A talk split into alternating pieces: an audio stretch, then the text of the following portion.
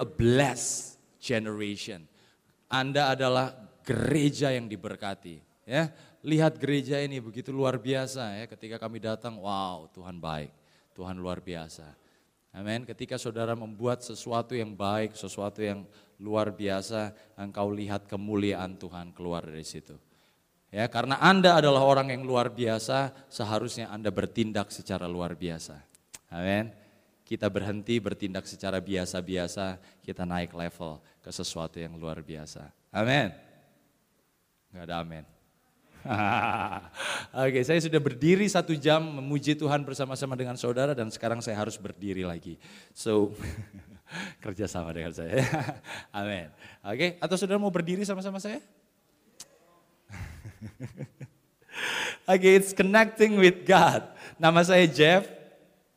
Uh, nggak pakai free karena saya nggak gratisan. I'm not for free. Ya. I'm precious.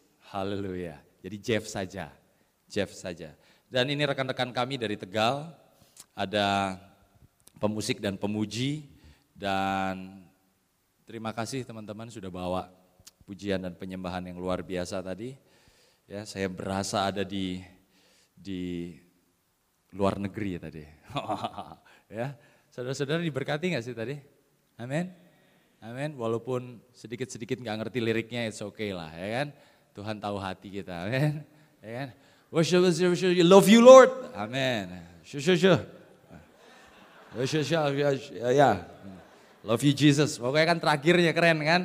I love you Jesus, gitu kan? Amin. so connecting with God, how we can actually connect it with Him. Bagaimana sebenarnya kita bisa terhubung dengan Allah kita? Saudara, uh, di dalam hidup ini kita selalu rindu untuk get connect.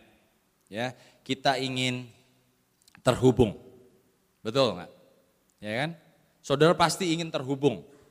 Itulah kenapa saudara tergabung di dalam komunitas.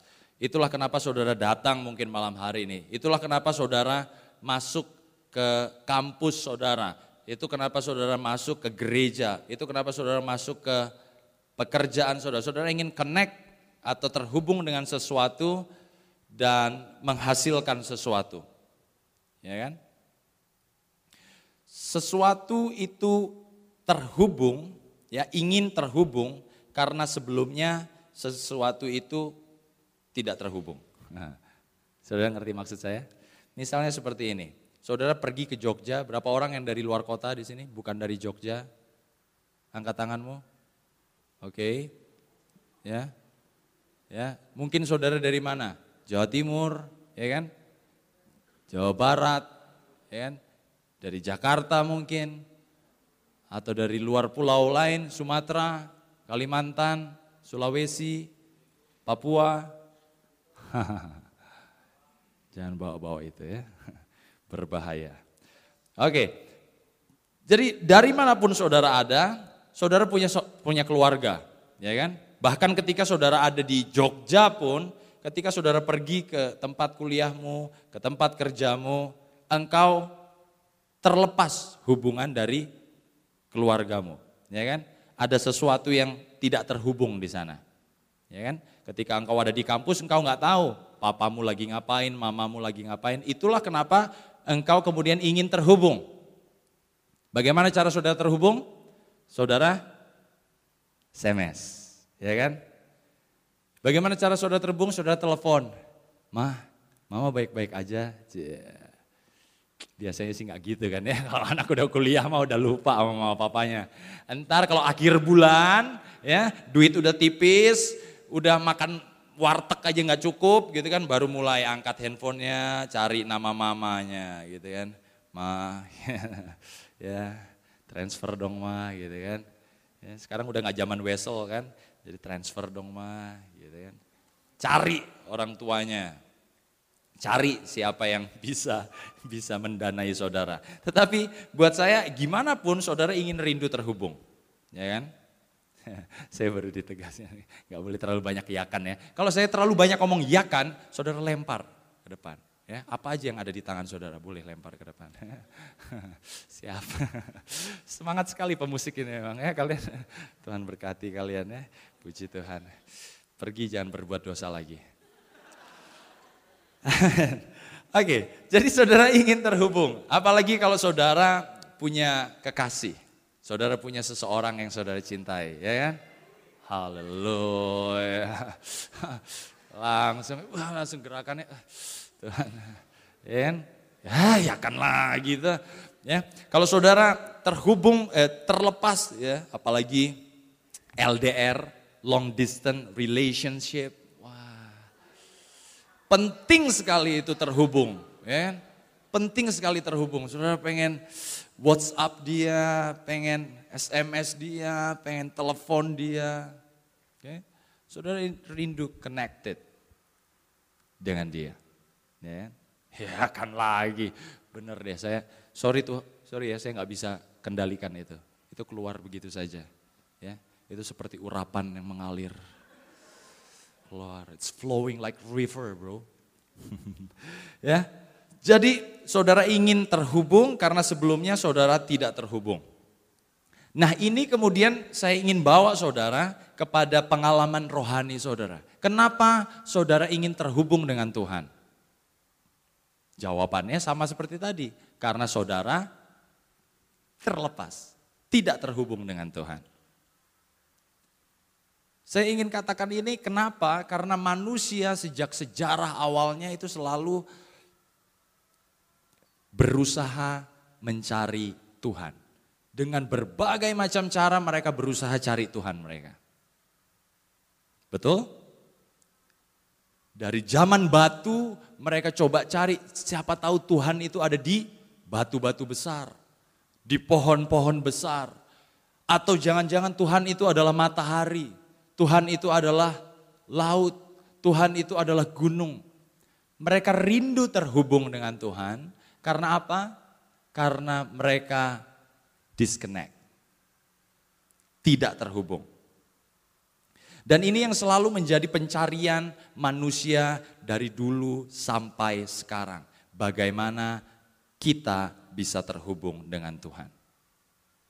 Saudara nggak bisa ingkari ini, seberapapun jauh saudara berlari, seberapapun hebat saudara, suatu saat saudara akan merasa ada sesuatu yang kosong, ada lubang di hatimu. Hampa terasa diriku tanpa dirimu. Ke atas gitu kan. Saya ditanya gitu, kayak kemarin ya, tahun baruan kita nyanyi-nyanyi dengan rekan-rekan ini. Eh jangan nyanyi lagu dunia dong, nyanyi lagu yang ada Tuhan-Tuhannya. Oke, ambil nada, ceneng. Tuhan bila aku beri kesempatan. Aduh, macam-macam. Inilah rekan-rekan yang tadi melayani itu. Untung Tuhan sudah bertobat, eh, Tuhan sudah bertobat, Tuhan sudah tobatkan mereka dan mereka melayani Tuhan. Haleluya. Oke, jadi saudara tidak terhubung dan saudara rindu terhubung dengan Tuhan. Kenapa alasan kita tidak terhubung dengan Tuhan? Kenapa alasan kita tidak terhubung? Karena, karena saudara suka sejarah? Apa di dalam sejarah Alkitab dikatakan kenapa kita tidak terhubung dengan Tuhan? dosa. Karena kita jatuh di dalam dosa. Dan ketika jatuh di dalam dosa, manusia kehilangan kemuliaan Tuhan. Seperti yang tertulis di dalam kejadian pasal yang ketiga. Coba kita buka kejadian pasal yang ketiga. Saya selalu fascinated dengan uh, kejadian karena Kejadian ini merangkum semua sejarah awal mula manusia, awal mula ciptaan semua, dan kita bisa mengerti apa sebenarnya maksud Tuhan pada mulanya untuk menciptakan kita, untuk menciptakan manusia. Nah, di pasal yang ketiga ditulis mengenai manusia jatuh ke dalam dosa. Manusia jatuh ke dalam dosa. Di ayat yang pertama dikatakan adapun ular adalah yang paling cerdik dari segala binatang di darat yang dijadikan oleh Tuhan Allah Ular itu berkata kepada perempuan itu, tentulah Allah berfirman, semua pohon dalam taman ini jangan kamu makan buahnya. Bukan? Jadi saudara kita tidak terhubung karena dosa. Kenapa kita berbuat dosa? Ini. Yang pertama karena kita taruh pikiran kita kepada pilihan yang salah.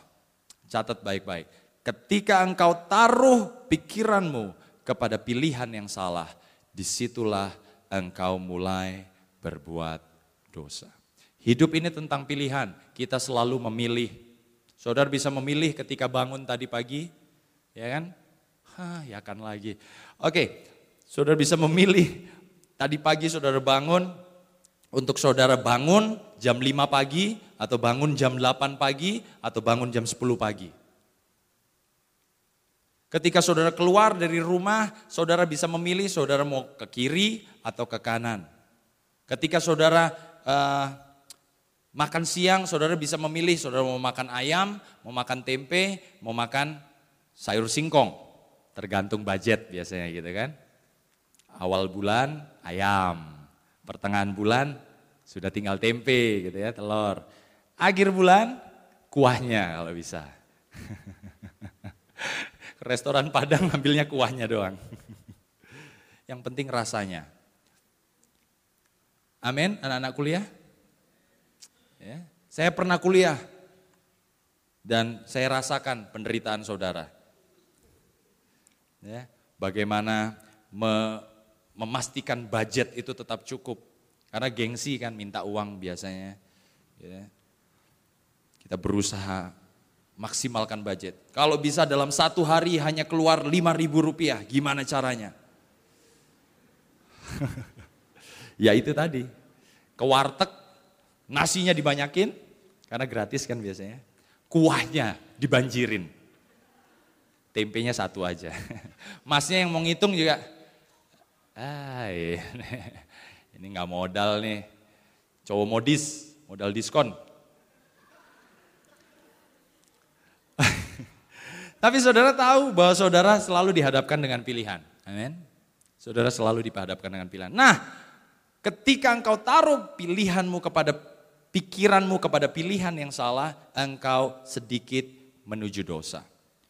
Hawa saat itu diberikan pilihan oleh iblis yang saat itu berupa ular.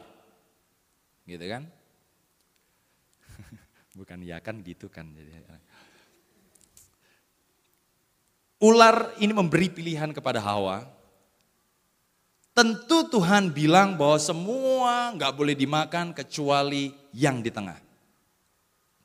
Tetapi yang sekarang menjadi pilihan Hawa adalah dia harus mau percaya kepada iblis atau percaya kepada Tuhan yang sudah bilang kepada dia, semuanya aku berikan kepadamu.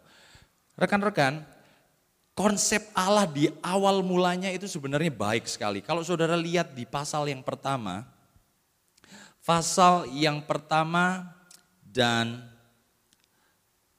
ayat yang ke berapa ya? Pasal yang pertama ayat yang ke-28. Allah memberkati mereka, lalu Allah berfirman kepada mereka, beranak cuculah dan bertambah banyak, penuhilah bumi dan taklukkanlah itu, berkuasalah atas ikan-ikan di laut dan burung-burung di udara dan atas segala binatang yang merayap di bumi. Ya Tuhan berikan mandat, Tuhan berikan otoritas kepada kita untuk kita bisa menguasai semuanya. Ya Tuhan berikan yang terbaik bagi kita. Semuanya Tuhan berikan yang terbaik. Bahkan Tuhan membiarkan manusia untuk memakan segala sesuatunya. Di pasal yang kedua, ayat yang ke-16 saudara baca. Lalu Tuhan Allah memberi perintah ini kepada manusia. Apa? Semua pohon dalam taman ini boleh kau makan buahnya dengan bebas. Tuhan Allah kita itu bukan Tuhan yang menakutkan.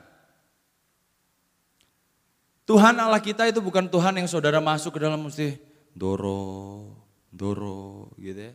Bukan seperti itu. Dia Tuhan yang mengasihi engkau lebih dari engkau mengetahui dia mengasihi engkau. Coba saudara baca ini. Dia berikan semuanya untuk kau makan dengan bebas. Jadi manusia pertama hidup untuk makan dengan bebas. Menikmati hidup mereka. Lalu kenapa sekarang kita harus bekerja? Kenapa kita harus berusaha ya tadi itu? Karena engkau memilih yang salah. Jadi sebenarnya Tuhan berikan kepada engkau sesuatu yang baik, sesuatu yang indah, sesuatu yang luar biasa. Dan iblis selalu berusaha mengacaukan hal itu. Nah karena itu rekan-rekan jangan biarkan iblis mengacaukan. Amin. Saudara harus punya pengertian yang kuat di dalam firman. Engkau harus tahu apa yang Tuhan katakan sehingga engkau bisa melawan apa yang iblis katakan di dalammu. Iblis bisa berkata, ambil aja, ya kan? Iya kan lagi bener deh, capek saya udah. Iblis bisa berkata di dalam hatimu, ambil aja. Tetapi engkau berkata di dalam dirimu, firman Tuhan berkata, Gitu kan. Firman Tuhan berkata, jangan mengingini milik sesamamu. Termasuk pacar sesamamu, amin. Ada yang tersinggung nih. Ya. PMP, pren makan pren. ya kan? Karena dia tidak mengasihi kekasihnya, gua tikung. Cus. Jadian deh dia. Eh, jangan jangan dibahas lagi, cukup sudah. Ya, nanti itu berantemnya di luar aja. Di dalam gereja ini saudara holy semua. Betul ya Pak ya? Nanti biar youth pastornya yang tangani. Oke, saya doakan dari Tegal. Oke, jadi saudara melawan itu dengan firman yang ada di dalammu. Ketika engkau taruh pikiranmu kepada sesuatu yang benar, engkau akan mengambil pilihan yang benar. Tetapi ketika engkau taruh pikiranmu kepada pilihan yang salah, maka engkau sedikit lagi jatuh ke dalam dosa. Dan pilihan yang benar itu selalu lebih sedikit, eh, lebih banyak daripada pilihan yang salah. Kenapa saya berani bilang seperti ini? Karena itulah kenyataannya. Berapa banyak pohon yang bisa dimakan? Semua. Semua itu berapa banyak? Banyak. Ya kan? Saya percaya buah pertama, buah sorgawi itu yang paling enak itu adalah buah apa? Duren. Dan sebelum manusia jatuh dalam dosa, duren itu tidak berduri. Dia mulus Tuhan, haleluya. Ya. Ketika saudara buka, bah, ya kan? Rasanya sorgawi. Ya kan? It tastes like heaven, but smell like hell. Baunya kayak di neraka men, gak hilang-hilang tiga hari. Ya. Saudara bisa makan, manusia bisa makan semua buah itu, tetapi kenapa Hawa pengen buah yang di tengah aman. Karena kenapa? Ini hukumnya manusia. Manusia selalu tertarik kepada yang sedikit. Yang gak boleh. Coba anak kecil nggak bilang, jangan dipegang, dipegang sama dia. Pasti. Ya kan? Saudara juga gitu pasti kan. Jangan masuk ke ruangan itu. Gak boleh. Ngintip-ngintip gitu kan. Kalau bisa dibuka gitu. Jangan dibuka buku ini Itu dorongan manusia seperti itu. Padahal pilihan untuk berbuat benar itu selalu lebih banyak. Saudara coba bayangkan, lebih banyak mana? Restoran masakan Padang ya dibandingkan dengan bandar narkoba. Banyakan mana? Restoran Padang pasti lebih banyak, ya kan? Kalau bisa manusia ada di bulan, saudara tiba di bulan yang pertama saudara temukan tak kena juo restoran Padang. Gitu. Kalau manusia bisa masuk ke dalam dasar lautan, mungkin di situ ada rumah makan Padang, murah meriah. Karena ada di mana-mana. Tetapi kenapa manusia suka melakukan yang salah, ambil pilihan yang salah? Karena pilihan yang salah itu sedikit. Yang sedikit itu biasanya menarik. Nah saudara-saudara, jadi sekarang sebagai anak-anak muda engkau tahu. Saudara nggak bisa bilang, aku nggak bisa lepas, aku nggak bisa lepas. Iya saudara nggak bisa lepas selama engkau nggak keluar dari pikiranmu yang lama dan masuk ke pikiranmu yang baru. Engkau melihat dengan cara yang berbeda. Bahwa yang baik itu selalu lebih banyak daripada yang jahat. Amin. Pilihan yang benar itu selalu lebih banyak daripada pilihan yang salah. Saudara bisa bilang, aku nggak punya pilihan. Enggak, kamu punya pilihan. Dan kamu pilih yang salah. Itu yang menyebabkan engkau berbuat dosa. Karena pilihan untuk berbuat benar selalu lebih banyak. Saya bingung dengan anak-anak muda yang yang jatuh ke kepada misalnya hubungan dengan orang yang tidak percaya dengan Tuhan atau tidak kenal Tuhan. Ada yang seperti itu? Jangan angkat tanganmu, ketahuan nanti. Ya. Kenapa? Dia bisa bilang, aduh gak ada pilihan lain. Orang-orang Kristen di sini, aduh jahat. Ya kan? Mereka senyum di depanku, tapi dia tikam di belakangku. Di belakangku. Ya. Akhirnya saudara berbicara bahwa oh, lebih baik orang yang gak kenal Tuhan. Tapi saudara pilihan yang benar itu sebenarnya banyak. Masih banyak gadis-gadis ya, yang ditentukan oleh Tuhan yang hatinya bersih, putih, suci, tak bernoda yang tinggal perlu apa? Perlu saudara buka mata sedikit. Oh rupanya ada ya. Daripada saudara cari pilihan yang salah. Betul? ya. Youth pastor pasti akan bingung nanti misalnya saudara pacaran dengan orang yang misalnya agamanya lain. Gimana saudara bisa memuji Tuhan, kemudian saudara bilang, oh iya sebentar saya mau jemput pacar saya dari sana. Baru naik, naik pesawat. Saudara tahu gereja bawang? Gereja ada bawang putihnya di atas. Saudara sepupu kita maksudnya. Ya, saudara bisa punya pilihan yang salah kalau saudara taruh pikiranmu di sana. Ketika engkau taruh pikiranmu di sana, itu akan bawa saudara kepada suatu kesalahan. If you think about sin all the time, you are feeding sin to your mind. Ketika engkau pikirkan dosa itu setiap waktu, maka engkau memberi makan untuk dosa itu bertumbuh, berkembang di dalam hidupmu. Jadi ketika engkau ingin bertobat, you better take a choice. Make a choice. Keluar. Ambil kegiatan yang lain. Karena ketika engkau bilang bahwa Tuhan saya mau bertobat. Saudara bisa bertobat malam hari ini saudara menangis. Ah, Tuhan aku bertobat. Aku tuh jahat banget Tuhan sama engkau. Tapi saudara pikirin terus. Aduh gitu ya enak banget ya. Aduh gitu ya. Maka saudara pulang dari tempat ini gak akan berubah. Terima kasih. Air kehidupan. Karena saudara tetap kasih makan kepikiranmu dengan dosa itu. Jadi ketika engkau bertobat dari dosa, engkau harus mulai putuskan diri dari dosa itu. Hilangkan itu dari pikiranmu.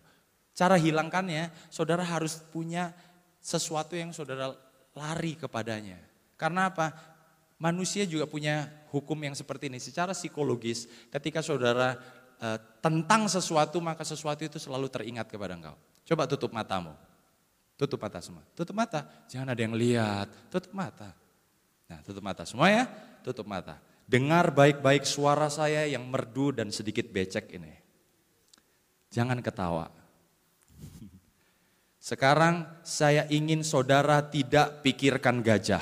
Jangan pikirkan gajah. Sekali-kali jangan pikirkan belalainya. Buka matamu. Apa yang sudah pikirkan? Gajah. Karena sudah bilang apa? Aku nggak mau pikir gajah, aku nggak mau pikir belalainya yang panjang itu, aku nggak mau pikir. Ya udah sini udah gajah terus gitu. Jadi ketika saudara berdosa dan saudara pikir, Tuhan aku nggak mau ngerokok lagi, Tuhan nggak mau. Aduh, rokok itu dosa, setan. Setan itu harus dibakar. Setelah dia dibakar habis, dia harus dilempar ke bawah, diinjak-injak. Itu alasan saudara untuk ngerokok. Ya. Oke, jadi ketika saudara bertobat dari dosa, mulai jangan pikirkan dosa itu. Sekali lagi, Jangan. Lari kepada firman Tuhan, lari kepada uh, hubunganmu yang sehat di Hegios family ini. Ketika saudara pengen bikin sesuatu, kebiasaan burukmu, ya, habit, habit, habit burukmu, bad habitmu, kamu telepon youth pastor. Kak, om. Ada yang panggil om? Ada ya? Saya kepi, opa, opa. Opa itu kalau dalam bahasa Korea pria yang keren, yang ganteng ya. Ini opa ya, ya kan. Saudara nggak tahu, anggota Suju dulu ini. Super junior. Ya, tapi sekarang dia naik jadi super senior. Sudah jadi youth pastor. Jadi saudara harus mulai alihkan pikiranmu dari itu. Dan ketika engkau mempertanyakan Tuhan, engkau juga mulai keluar dari ketaatanmu dan itu akan membawa kepada dosa. Ya, Hawa di sini secara tidak langsung dia mempertanyakan Tuhan. Dia bilang, eh benar nggak sih Tuhan kasih uh, hukum seperti itu? Padahal sudah jelas Tuhan kasih tahu semua boleh kau makan, yang di tengah nggak boleh. Jelas kan? Gak perlu ditulis untuk mengingatkan, gak perlu kamu bikin notes untuk mengingatkan hal itu. Itu jelas, semua boleh, yang tengah gak boleh. Tapi dia mempertanyakan Tuhan dan di saat itulah dia masuk ke dalam ketidaktaatan. Saudara-saudara, ketika engkau mulai mempertanyakan Tuhan, hati-hati loh. Tuhan, apa aku layak terima semua ini? Kelihatannya saudara ini gitu ya. Tapi itu hati-hati, saudara mulai, saudara bisa drifted. Karena itu saudara harus tetap get connected. Saudara harus terus terhubung. Ya, Jangan tinggalkan persekutuan, Jangan tinggalkan hubunganmu dengan gereja, dengan rekan-rekan seimanmu. Ketika kita disconnect sama seperti sebuah organisme atau sebuah tumbuhan ya, makhluk hidup. Untuk dia tetap hidup dan berbuah, misalnya sekarang pohon saja, ranting itu harus connect dengan batangnya. Di saat dia tidak connect dengan batangnya, maka dia akan kering, dia akan kosong, dan kalau manusia, saudara akan berusaha isi dirimu dengan 3L. Apa itu 3L? Luxury. Luxury itu apa? Kemewahan. Ya, wanita-wanita yang doyan belanja, Hati-hati loh, itu jangan-jangan pelarianmu. Karena engkau merasa kosong di dalam, saudara merasa, saudara ingin uh, ya, beli kemewahan itu, luxury. Saudara belanja sepatu, belanja ini, belanja itu. Ya, di akhir bulan saudara punya tujuh sepatu yang belum terpakai dan hanya dua yang terpakai gitu kan. Atau cowok-cowok saudara berusaha beli gadget terbaru yang terbaik supaya saudara merasa diakui oleh orang lain. Saya nggak masalah misalnya gadget itu penting buatmu ya, itu berguna buat engkau. Tetapi kalau hanya untuk gengsi buat apa? Saudara berusaha isi itu karena sebenarnya di dalam dirimu kamu kering, kamu kosong. Kau harus cari supaya engkau bisa connect. Yang kedua, saudara isi biasanya dengan las. Las itu hawa nafsu. Ya, hawa nafsu. Hawa nafsu ini bisa macam-macam. Jangan langsung berpikir hawa nafsu itu seks, seks, seks, seks gitu kan. Enggak, hawa nafsu itu juga bisa di sini. Ya kan? Saudara nggak kontrol makanmu. saya nggak nyinggung siapa-siapa loh. Ini saya cuma bilang sesuai dengan nanti firman Tuhan juga loh. Wes jangan ngelihat saya kayak gitulah, jadi nggak enak kalau saya ini. Ya saudara harus mulai kontrol itu. Kenapa? Karena dari masa mudamu inilah engkau menjaga bait kudus ini. Ya kan? Firman Tuhan berkata, tubuhmu adalah bait Allah. Kalau bait Allah dikasih lemak, kolesterol terus, maka bait Allahmu akan rontok lama-lama. Gak kerasa sekarang. Nanti umur 40, tiba-tiba stroke. Gitu kan. Ada teman kami di Tegal, rekan, rekan di Tegal, anaknya kuliah di Bandung.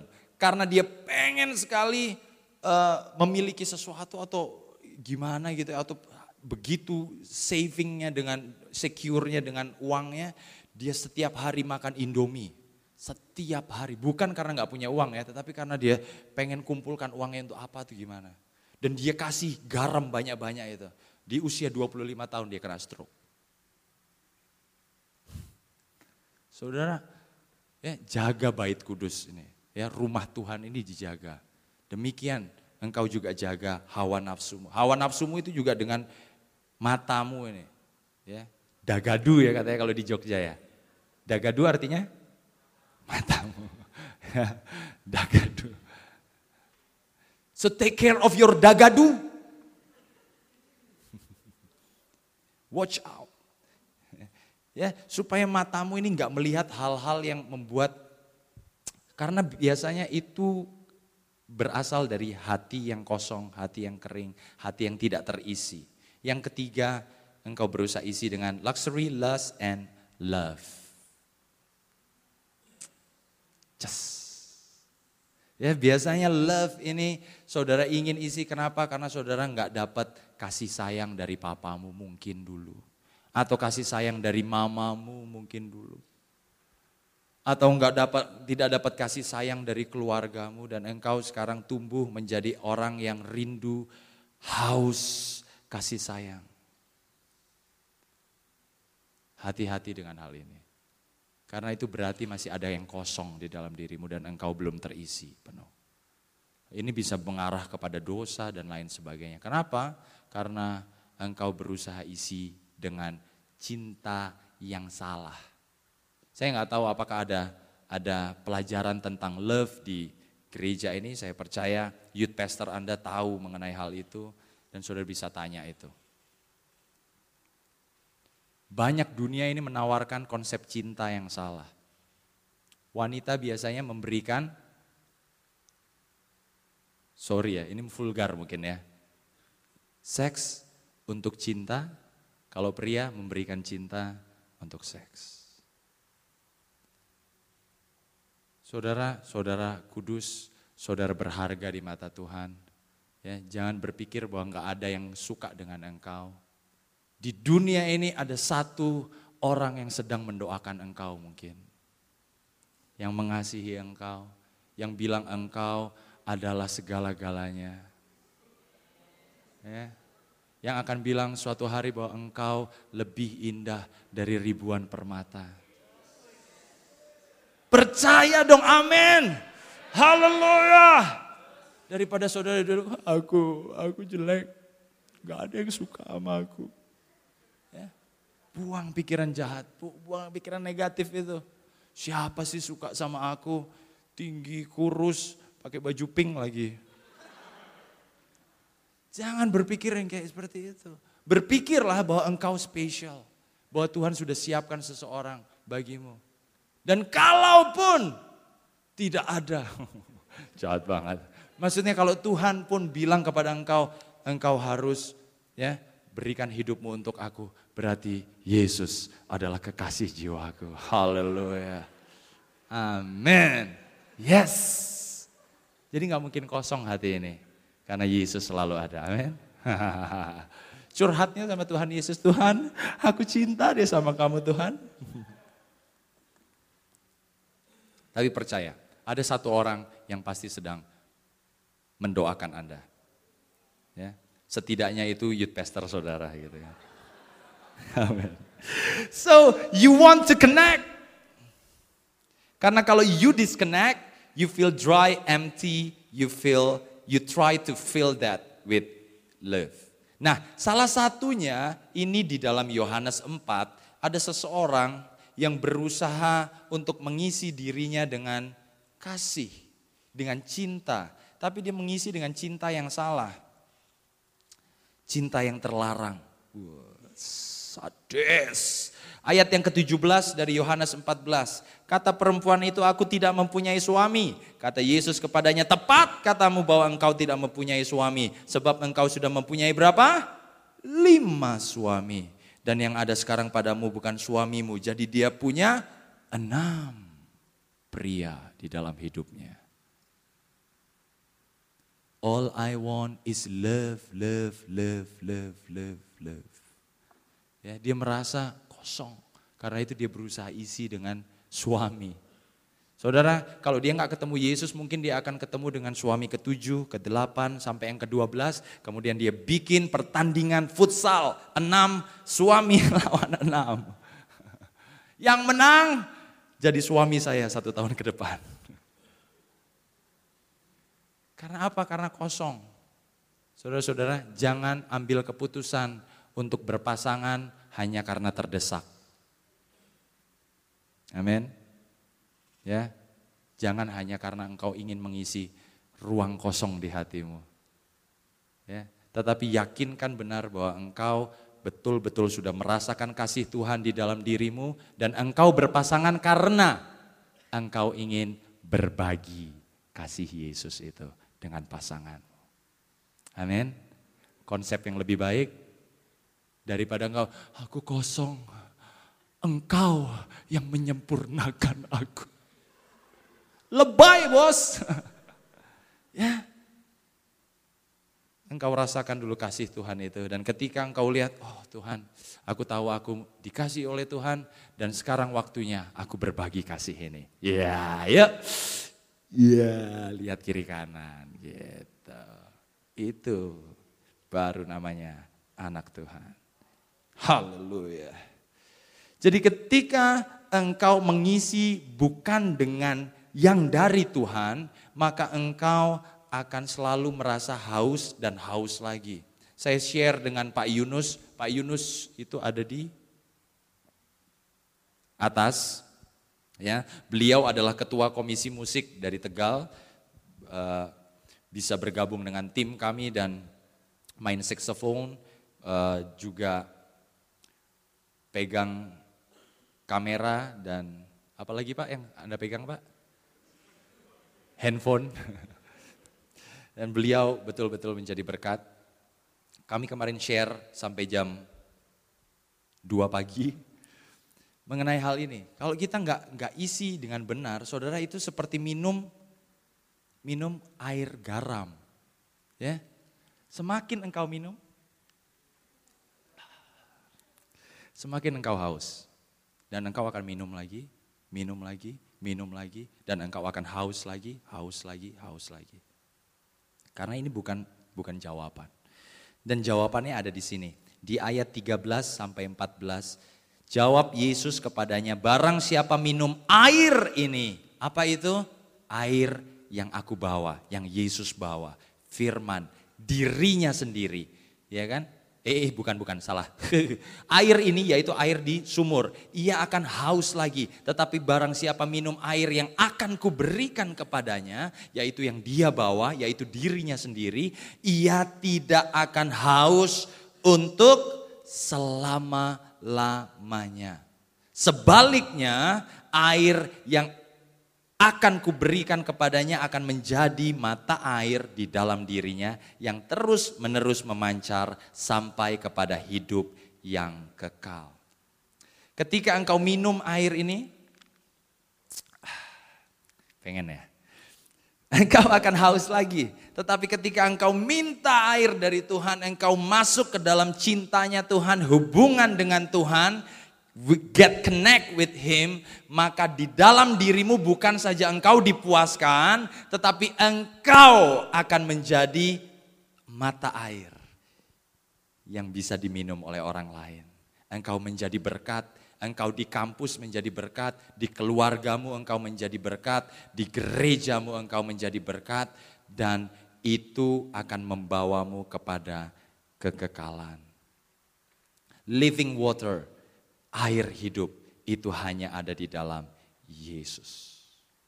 Itu hanya ada di dalam Yesus. Saya akan akhiri dengan ini. Ketika engkau ingin connect dengan Tuhan, firman Tuhan berkata, satu-satunya yang menghalangi kamu connect dengan aku itu adalah dosamu. Jadi ada dosa yang menjadi jurang. Karena itu kita perlu bertobat, percaya kepada Yesus, dan kemudian kita kembali kepadanya. Nah, repentance atau pertobatan itu perlu tindakan. Ya kan? Itu perlu tindakan. Coba Saudara lihat Pengkhotbah 9 ayat 10. Saya akan tutup di sini mungkin. Pengkhotbah 9 ayat yang ke-10. Mungkin rekan-rekan pemusik bisa naik. Ayat yang 10 berkata demikian, segala sesuatu yang dijumpai tanganmu untuk dikerjakan, kerjakanlah itu sekuat tenaga. Karena tak ada pekerjaan, pertimbangan, pengetahuan, dan hikmat dalam dunia orang mati ke mana engkau akan pergi. Jadi ketika engkau bertobat, engkau berubah. ya Di dalam Roma 12 ayat 2 dikatakan berubah akal budimu Ya, ada perubahan pikiran. Jadi pikiranmu bukan lagi kepada dosa, tetapi kepada Kristus. Bukan lagi air, garam yang bikin kamu haus, yaitu tadi luxury, lust, and love. Tetapi engkau minta Yesus yang mengisi dirimu. Dan ketika engkau bertobat, engkau melakukannya dengan suatu tindakan. Apa pun yang dijumpai oleh tanganmu, kerjakanlah itu. So when you get connect with God, you have power to do thing great for God. Great things for God. Ketika engkau terhubung dengan Tuhan, ada suatu kuasa yang membuat engkau bisa melakukan banyak hal. Dan jangan hentikan engkau jangan hentikan dirimu untuk mengerjakan hal itu. Kerjakanlah itu sekuat tenaga karena waktunya itu terbatas. Saudara hanya punya 86.400 detik per hari untuk saudara lakukan sesuatu. Dan saya nggak mau, kita nggak mau kita buang detik-detik yang berharga itu hanya untuk sesuatu yang kosong, sesuatu yang hampa, sesuatu yang tidak berharga. Tetapi biarlah detik-detik di dalam hidupmu, you get connect with God. Engkau menghasilkan sesuatu bagi nama Tuhan. Engkau memuliakan Tuhan. Engkau menjadi anak-anak muda yang luar biasa dan menjadi dampak di lingkunganmu. Kunjungi www.jeffminandar.com untuk mengakses catatan dari podcast ini.